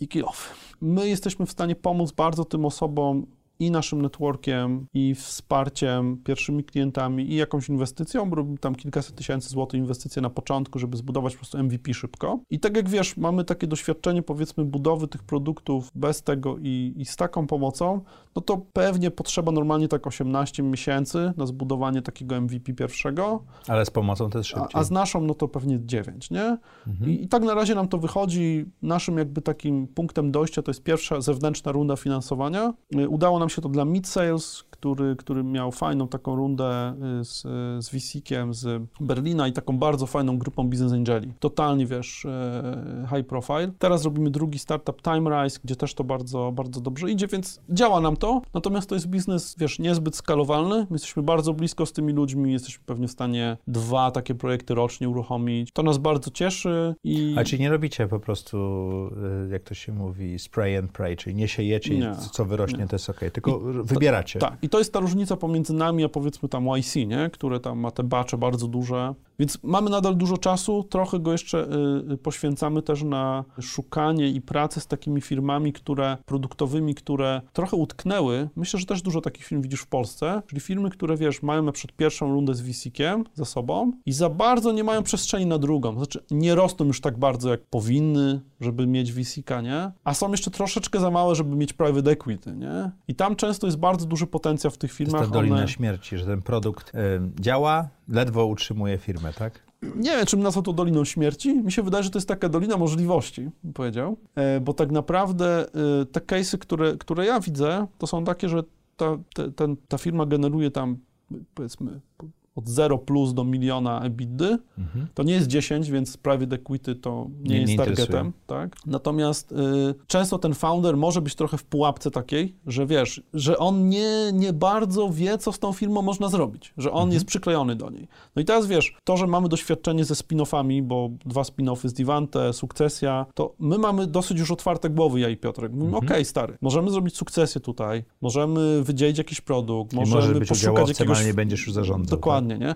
Jakby jest wiele dróg i to też jest dla mnie bardzo ekscytujące, bo to są fajne firmy z fajnymi produktami, jakoś fajnie zbudowane inaczej niż pewnie ja bym to zrobił, nie? Więc jakby też się można nauczyć. Więc w sumie na te dwie aktywności poświęcamy tak, tak czas, nadal mając sporo wolnego czasu, co jest, co jest super. To a propos tego wolnego czasu, po 13 latach przychodzenia późno do domu zmęczonym, jak to opisywałeś, jak sobie poradziłeś z tym, że nagle masz tyle czasu? Tak, to też jest ciekawe wyzwanie mhm. prawda? Bo, Bo świat się zmienia. Tak, oczywiście. Jesteś w domu, a nie byłeś potrzebny przez tyle czasu, aż tak bardzo, jak tobie się wydawało, tak? Tak, tak. Ja się lubię uczyć, więc po prostu się uczę nowych rzeczy. Lubię być też w lekkim dyskomforcie, więc się uczę właśnie różnych nowych rzeczy. Takich, gdzie na przykład myślałem, że to nie jest dla mnie, albo że się czegoś bałem. Na przykład? ostatnie moje odkrycie to jest Krav Maga, e, bo w całe życie biłem się tylko raz w życiu, nie? Miałem taką obawę, że wiesz, to nie jest dla mnie, jakby ja jestem wielkim fanem, wiesz, non-violent communication. Więc miałem taką lekką wewnętrzną obawę. Stwierdziłem, ok,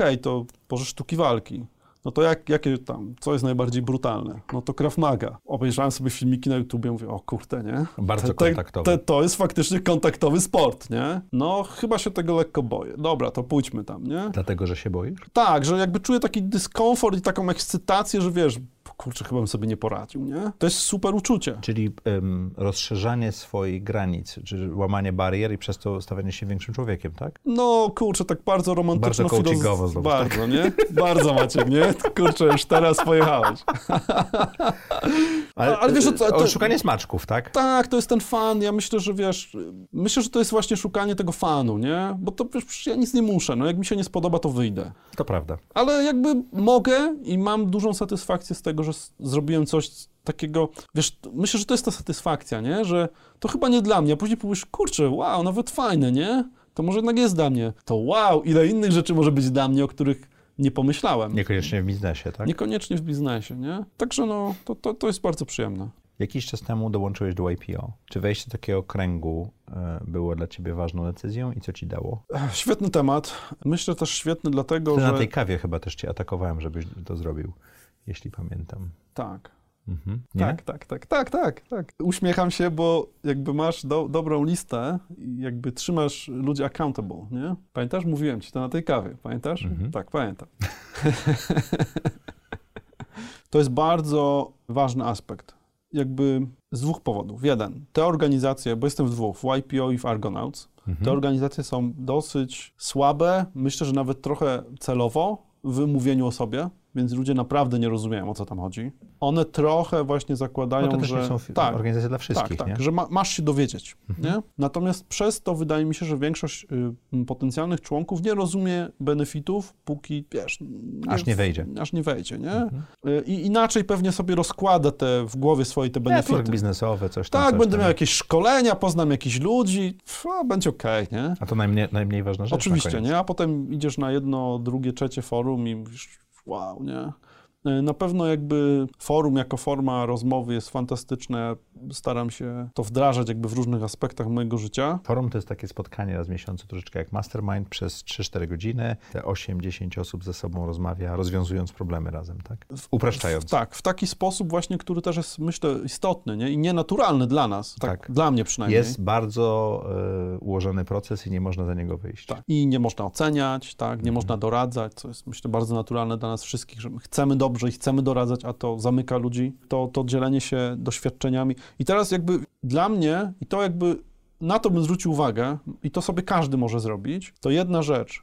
Y, Do forum się przygotowujemy. Też w tej drugiej organizacji Argonaut, w którym jestem, ona jest przez Niemców wymyślona, więc believe me, tam jest jeszcze bardziej procesowo. Mhm. I tam jest tak, że Ale też jest taki krąg a la forum, tak, tak? tak, ale bardzo tam jest ważne to przygotowanie przed, które masz zrobić faktycznie przed, nie? E, Argonauts masz też tam trzy obszary, rodzina, ty personalnie i biznes, no i jak to oceniasz? Po prostu wiesz, od 1 do 10 w każdy obszar, nie? Jakby fantastyczne jest to, że co miesiąc siadasz i robisz sobie taki rachunek kurczy sumienia. Jak ja oceniam moje relacje w rodzinie, nie? Wiesz. A ja, I tak sobie patrzysz na to, że na przykład w rodzinie masz 6, nie? A w biznesie 10, nie? To ciekawe, Tomek, nie? No teraz co jest dla ciebie ważne? Czemu tam masz 10, A czemu tu masz masz 6? Ale jeszcze lepsze jest, a miesiąc temu? Hmm, też było 6.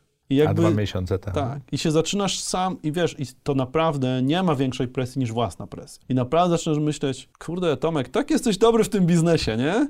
Takie tutaj dziesiąteczki zawsze wpisujesz. A tutaj szósteczka już, kurde, trzeci miesiąc, nie? Taka autorefleksja, która jest trochę wymuszona przez, Tak, e, przez proces. przez proces, pomaga być lepszym człowiekiem. Kurczę. Znowuż coachingowo bardzo, gadam. Bardzo, bardzo. To już dołączam nawet, nie?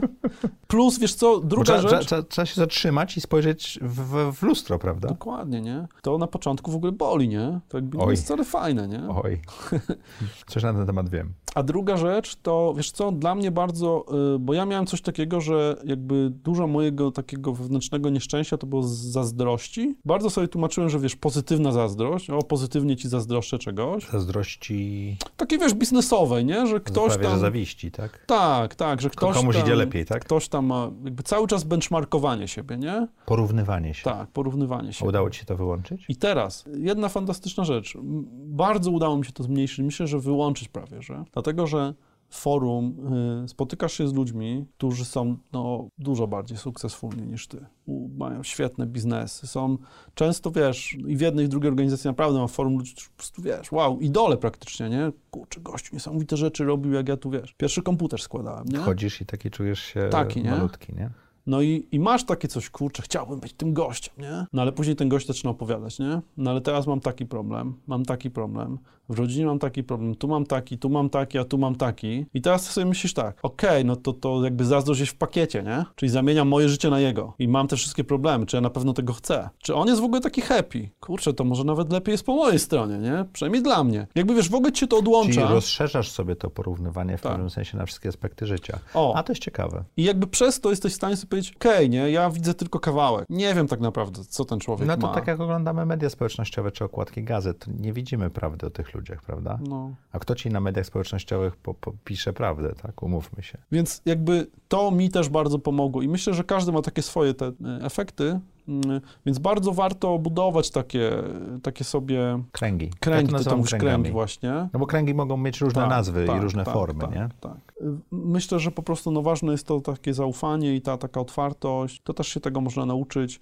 I wiesz co, moje bycie lepszym liderem w Divanty już tak właśnie odchodząc, to ono się głównie na tym zasadzało, nie? Że ja jakby zacząłem pokazywać ludziom, że jestem normalnym gościem, że mam, wiesz, wady, że mi jakieś rzeczy nie idą. Pamiętam taką, wiesz, rozmowę z, z jedną y, z naszych headów, dziewczyną, gdzie po prostu, wiesz, przez parę lat pracowaliśmy razem i ja nigdy, zawsze czułem, że nie mam z nią takiego, wiesz, naprawdę dobrego kontaktu. No i właśnie po którymś z tych, wiesz, forum i tak dalej, wiesz, jestem zmęczony, bo kurczę, staramy się od dłuższego czasu dziecko i wiesz, teraz y, mieliśmy jakiś y, zabieg i po prostu, wiesz, otworzyłem się, nie?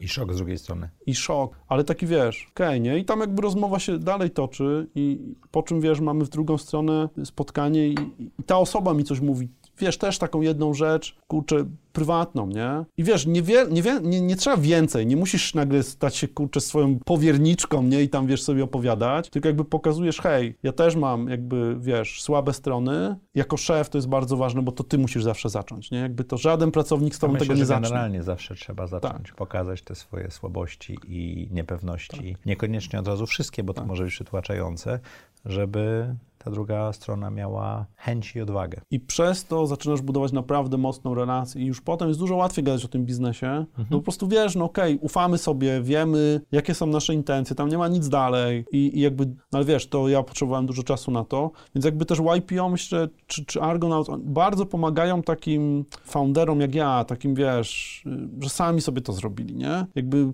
wiesz, moje wcześniejsze prace gdzieś tam, to, to były małe firmy, nie? Jakby zrobiłem firmy największe, w których pracowałem, więc nie miałem porównania i nie masz tej formalnej ścieżki, wiesz, właśnie coachingowej, nie? Czy trenerskiej, nikt tam się tobą nie zajmie, jeśli sam tobą, sobą nie zajmie. Z drugiej strony formowałeś e, firmę i siebie wokół swoich silnych słabych cech, nie? No tak, oczywiście. Jaka jest ta najbliższa fala, gdybyś miał w tej chwili mówić e, pod koniec 2021 roku, gdybyście z bratem mieli robić jakiś zakład i postawić na zero czy na czerwone? Co, co, by, co by było tą falą? Myślę, że y, falą na pewno jeszcze bardzo mocno jest e-commerce cały czas. Mhm. Natomiast takimi pewnie nowymi falami w e-commerce to będą kolejne rzeczy, które będą się cyfryzować, y, usługi, które będziemy mogli robić online.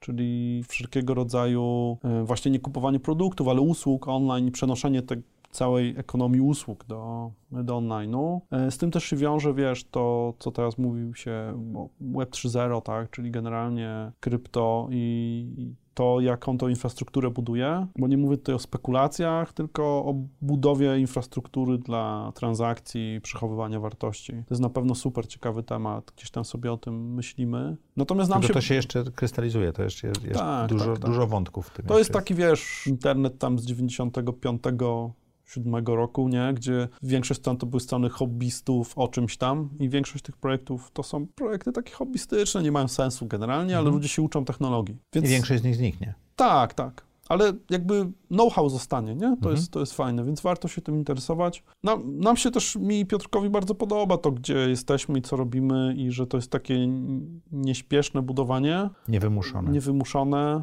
Też dopiero co zrobiliśmy tą sukcesję z Divante, w View Storefroncie idzie super, w tych nowych spółkach też idzie dobrze, więc jakby, wiesz, nie chciałbym takiej presji sobie też narzucić, natomiast no, my lubimy budować, nie? Obserwujecie, co budować dalej. Tak, tak. Dobrze. Kiedy do was pukać, żeby się załapać na te początki jako inwestor? Myślę, że po prostu wiesz, jesteśmy w kontakcie z takimi najlepszymi biznes angelami. Czyli do mnie nie zadzwonią. odzywać, Więc się będziemy odzywać. Tomku, w audycji Zaprojektuj swoje życie jest taki moment, gdzie zadajemy e, gościom podobne pytania, żeby trochę lepiej ich poznać i właśnie następuje ten moment. Mogę? Śmiało. To jest hashtag trudne pytania, tak? Opisz najlepszą decyzję, jaką podjąłeś w życiu. Myślę, że najlepsza decyzja, jaką podjąłem w życiu, to jest decyzja personalna, Mhm. nie biznesowa. To jest decyzja o tym, że jestem z Anetą, y, moją żoną. I to jest decyzja i też jakby podtrzymanie i wytrwanie w tej decyzji z obu stron, bo Mhm. to też jest decyzja Anety. to jest praca, nie? To jest praca, bo właśnie bycie przedsiębiorcą, myślę, naraża na szwank y, relacje. To jest ta praca i z tego jestem bardzo happy, nie? By to long term bardzo procentuje. Co daje ci najwięcej energii czy satysfakcji w życiu? Myślę, że to mogło już wybrzmieć, wybrzmieć gdzieś, czyli właśnie budowanie, Mhm. robienie Bardzo, bardzo czegoś, wybrzmiało. tak, robienie czegoś z niczego. Mhm. To fantastyczne uczucie dla mnie. Jak wygląda twój typowy dzień? Teraz jako takiego półemeryta. Dzięki za to pół.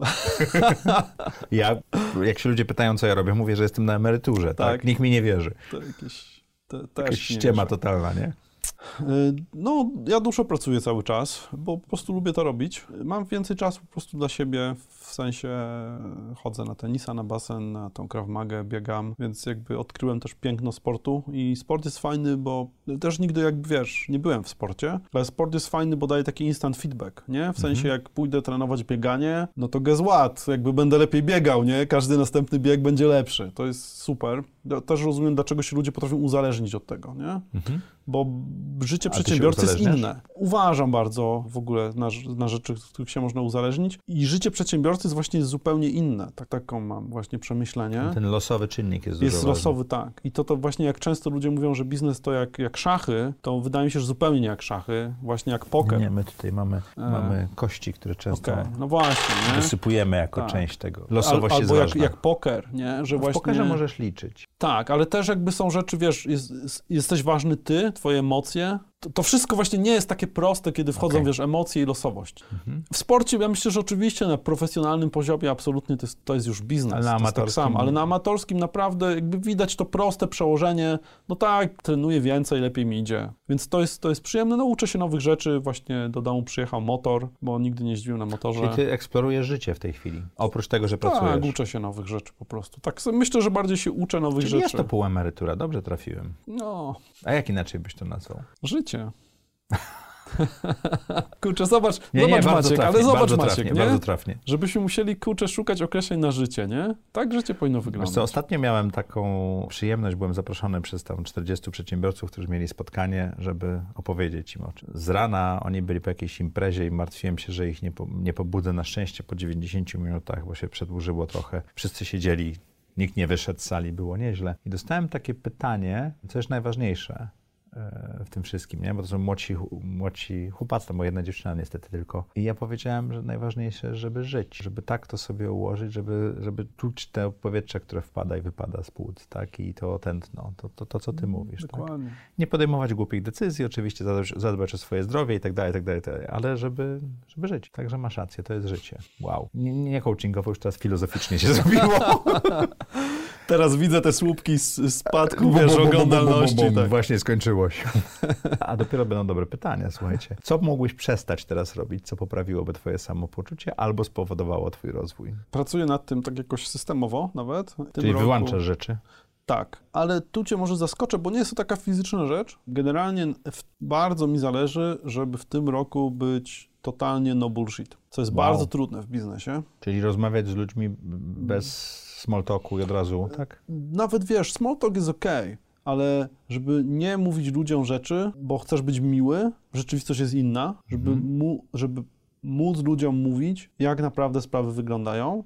A jednocześnie ja bardzo wierzę w non-violent communication, właśnie w bycie pozytywnym, bo bycie pozytywnym i bycie ambitnym jest super ważne w życiu. Naprawdę szczerze w to wierzę. A jednocześnie to bardzo łatwo prowadzi cię do takiego, wiesz, okej, nie, to zadzwonię, fajna oferta, później odpiszę, tak, jakby fajny deck, zajrzę jutro, a tak naprawdę, kurczę, jest jakiś powód, dla którego, no nie zajrzysz jutro, nie odzwonisz, nie odpiszesz. Nie? Jest świetne wideo TEDa i jest tego książka, to się nazywa Radical Candor, nie wiem czy widziałeś, Tak, czyli jedna z e, moich ekstremalna ulubionych książek, tak. szczerość, Tak, chyba tak, tak, tak. to po polsku, że radykalna szczerość. Ale to też trzeba zrobić właśnie bez, bez robienia ludziom krzywdy, tak? Tak, tam właśnie autorka pisze o tym, że to ma być jakby z troską, nie? I z troski wynikać, że słuchaj, no zależy mi na tobie, dlatego, no kurczę, masz szpinak na zębach, nie?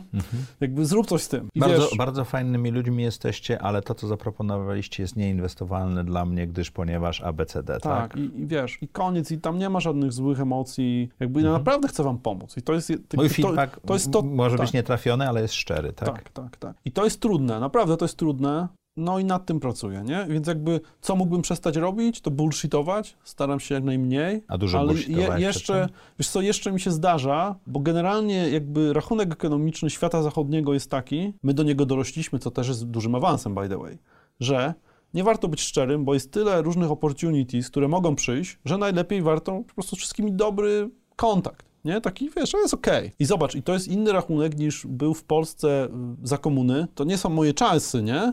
Natomiast jakby, jeśli kiedyś y, musiałeś być nieufny w stosunku do ludzi, bo każdy mógł ci coś zrujnować, zepsuć, zabrać, to generalnie, wiesz, ludzie są, nie mówią sobie miłych rzeczy, nie jest ważne, czy cię tak, wiesz, wszyscy lubią, ważne raczej, żeby nie podpaść. Raczej taka szczerość jeszcze jest, wiesz, ma sens taki ekonomiczny. Bycie szczerym, nie, słuchaj, to jest bez sensu. Natomiast jeśli y, jesteś w takiej ekonomii, wiesz, dobrobytu, to najlepsza strategia to jest, nie, fajnie, fajnie, nie? To jest to, wiesz, amerykańskie podejście, holenderskie, wszystko jest super, zawsze awesome. Po prostu, wiesz, to je, moja ocena jest dla mnie, ja ci nigdy nie powiem, bo nie warto sobie robić w tobie wroga, bo zaraz może przyjdziesz czymś super, prawda? Więc jakby jest bardzo łatwo wejść w ten tryb, myślę szczególnie w świecie startupowym, Mhm. prawda? Przecież większość BA i VC-ków ma totalny problem z mówieniem prawdy. I zawsze te, te, te startupy po rozmowach, jak ja słyszę, każdy na startup po rozmowie z VC-kiem, ale im się podobało, ale super. I nie zainwestowali. I nie zainwestowali, nie? I dosłownie kilku jest, kilku porządnych y, VC-ków, bo BA jeszcze myślę bardziej to jest cecha charakteru. Ktoś po prostu, wiesz, tak jak ty, tam wali między oczy i w ogóle sobie nic z tego nie robi, Ale coraz mniej startupów do mnie przychodzi, więc chyba opinia poszła, że daje w twarz. Okej, e, ale to jest super cenne, nie? Ja Mhm. mówię właśnie, że to jest super cenne, a, a u VC-ków to naprawdę rzadko, niemieccy troszkę bardziej, wydaje mi się, mają Mhm. jeszcze ten taki gen, że słuchaj, to ja ci powiem, czemu my nie zainwestujemy. To jest bardzo, y, dlatego tyle też czasu jakby poświęcam wytłumaczenie tego, bo wydaje mi się, że to jest ważne i to jest cenne, żeby To jak sobie ktoś odpadł tak... na filozoficznej części parę minut temu, to przegapił chyba naj, najważniejszą część tego wywiadu dla mnie. Tak, e, nigdy nie myślałem o tym, że e, zmiana dobrobytu w Polsce spowodowała tak drastyczną zmianę kulturową e, zachowań. Z, zwią- tak jak to opisałeś, ale rzeczywiście coś w tym jest. Rzeczywiście coś w tym jest, że lepiej być miłym i ten radical candor nie zawsze zadziała, co niekoniecznie jest dobre w długim terminie dla społeczeństwa, dla tych osób, które próbują i tak dalej. Nie? Ale świetna książka, no no, no nie? Jak ktoś nie czytał, to kurczę, Koniecznie. naprawdę Znaczy, super. można obejrzeć też tego TEDa, to, to, to, to już daje do, dobre podsumowanie. Maciek, ty tak już widzę, że do milenialsów. Teda zamiast książki. TED ma 17 minut, milenialsi TikToka oglądają przez 17 sekund, słuchaj. Poza tym ja mam milenialsa i Zetkę, córka jest milenialsem, syn jest Zetką, to ja już widzę różnicę w tych pokoleniach, to też jest niesamowite. Tomku, jaką masz supermoc? Jest takie fajne ćwiczenie, nie wiem, czy je znasz. Reflected Best Self to się nazywa. Znasz? Nie znasz. Mhm. Znasz?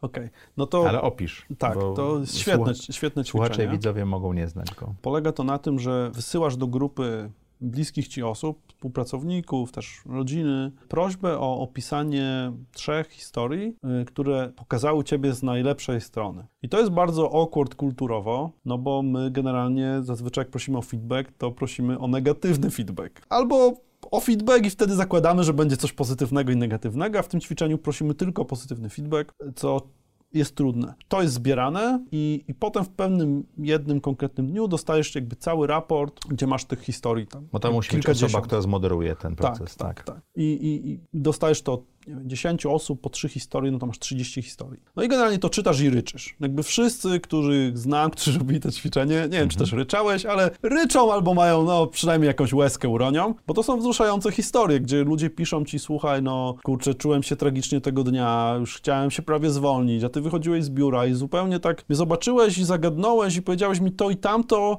A ty I, nawet nie i pamiętasz było, tego tak, momentu, I to nie? było dla mnie wow i w ogóle czuję, że uratowałeś moją karierę wtedy, nie? Wow, nie? Dlaczego tak jest, że ty tego nie pamiętasz? Bo dla nas są rzeczy, które my robimy bardzo naturalnie, są łatwe, bardzo łatwe i proste, ale bardzo dużą wartość mają dla innych ludzi. My ich nie widzimy często. I to ćwiczenie i te historie nam uzmysławiają. Stary, nie? Jesteś naprawdę świetny w paru rzeczach. Tym. Nie?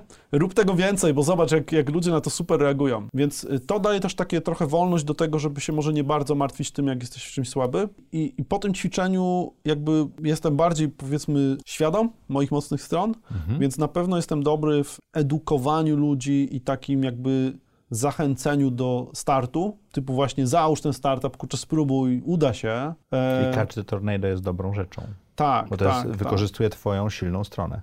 Tak, zdecydowanie. Tak naprawdę nie, nie tylko to, bo druga strona silna to jest taka strategiczna, czyli jestem w stanie bardzo mocno się zaangażować i razem z tobą główkować i wymyślić, co trzeba zrobić. Co jest też fajne, bo jestem tym takim sparring partnerem, nie? I mam mega fan z tego, więc takie już 110 po prostu y, uwagi do tego. I potem trzecia y, mocna rzecz, y, którą jakby, w której jestem dobry, to jest takie supportowanie i cheerleadowanie tego, nie? Prostu, kurczę, nie? Ale super rzecz tam wymyśliliśmy, jak ci idzie w ogóle, na pewno ci się uda, nie? I teraz te trzy rzeczy sprawiają, że takie coś jak każde tornado to jest dla mnie totalnie naturalny wybór życiowy. I wcześniej w Divante nawet podzielenie Divante na triby i to jest, to jakby, wiesz, zaczynasz rozumieć, dlaczego ci te rzeczy wychodzą i zaczynasz widzieć ten pattern i to jest piękne, nie? Jakby w tym ćwiczeniu, w zrozumieniu, czym jesteś mocny, bo Czyli też... twoją, przepraszam, jakbym przetłumaczył to na język audycji, supermocą jest pozytywne wpływanie na ludzi. Może być tak, jest okej. Nie leży ci.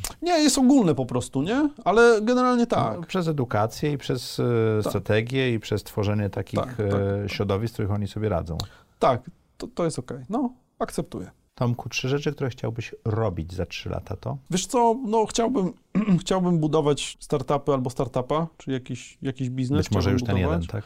Może, nie wiem. Coś budować. Chciałbym na pewno się nadal uczyć jakby nowych rzeczy, eksplorować życie, super. Myślę, że chciałbym zacząć robić jedną z takich rzeczy większych, które chcę zrobić, bo powiedzmy następne 10 lat życia chciałbym zrobić coś takiego trwałego, bo mam, wiesz co, nie wiem jak, jak ty uważasz, ale mam takie trochę poczucie, że te biznesy technologiczne, one, to jest tak brutalny świat, że ja nie wiem jaką one mają trwałość. Tak zupełnie szczerze, wiesz, nie mam takiego czucia, że to są, wiesz, jak firmy japońskie, które będą 300 lat y, tutaj, nie?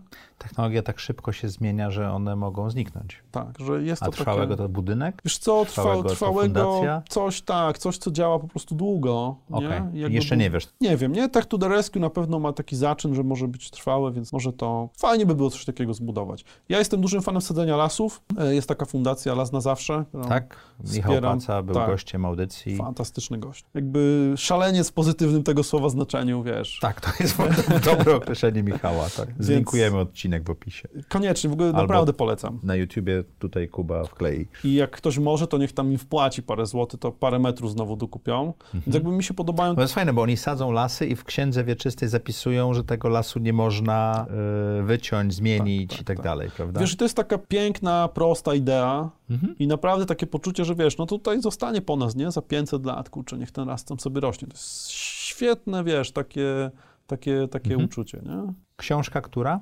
Y, Ja czytam dużo i mam I raczej problem, że właśnie za dużo.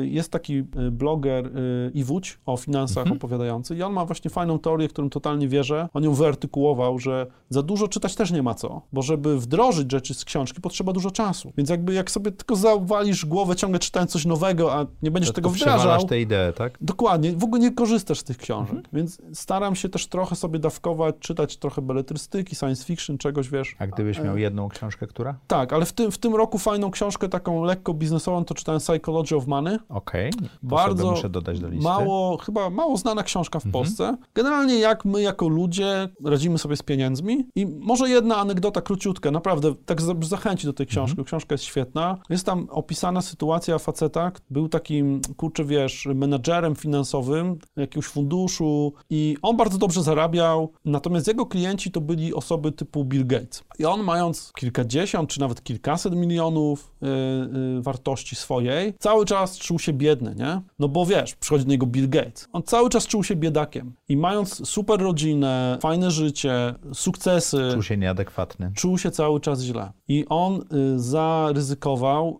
y, insider trading, nielegalne, wiesz, operacje Stracił wszystko. i trafił do więzienia. Mhm. Nawet nie, że stracił wszystko, nie?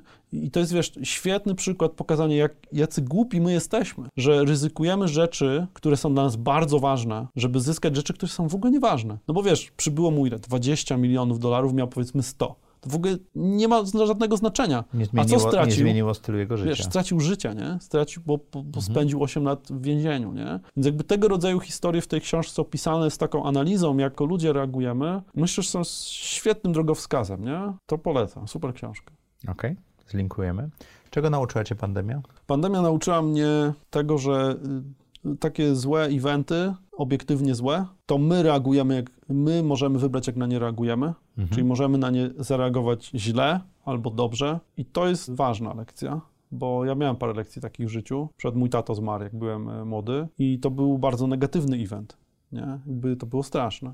Natomiast jak ja na to zareagowałem, zależało ode mnie. I ja zareagowałem jakby, wiesz, robiąc rzeczy, które gdzieś tam mi potem w życiu procentowały, nie? To jest taka generalnie nauka, nie? Życiowa, że nawet jak się wydarza coś takiego strasznego, to od nas zależy, co z tym zrobimy. W pandemii, wiesz, no zrobiliśmy sukcesję w Divante, odpaliliśmy nowe jakieś projekty. Nie mówię o tym, że to są takie, wiesz, ja, tylko opportunities. Tylko mówię o tym, że nawet jeśli to nie są tylko że- to że- od nas że zależy, co z tym zrobimy. spojrzenia. Tak, tak, Mhm. tak. I, I to jest chyba ważna lekcja, nie? Tomku, co chciałbyś, żeby widzowie i słuchacze audycji Zaprojektuj swoje życie zapamiętali z tej rozmowy? Myślę, że fajnie jest próbować ambitnie podchodzić do rzeczy. I tego nam w Polsce brakuje i ja sam cały czas się automotywuję, żeby ambitnie do rzeczy podchodzić. Więc do tego bym wszystkich nas zachęcał, bo jesteśmy super, kurczę, ludźmi, świetne rzeczy potrafimy robić w Polsce i żeby te ambicje sobie nie obniżać. To, co ty powiedziałeś, żeby pozwolić sobie troszeczkę na więcej, nie? Bo możemy to osiągnąć. Mhm. Tak, dokładnie jest. Dziękuję Ci ślicznie. Dzięki bardzo. Dziękuję Wam i jak co czwartek o czwartej zapraszam do audycji Zaprojektuj swoje życie.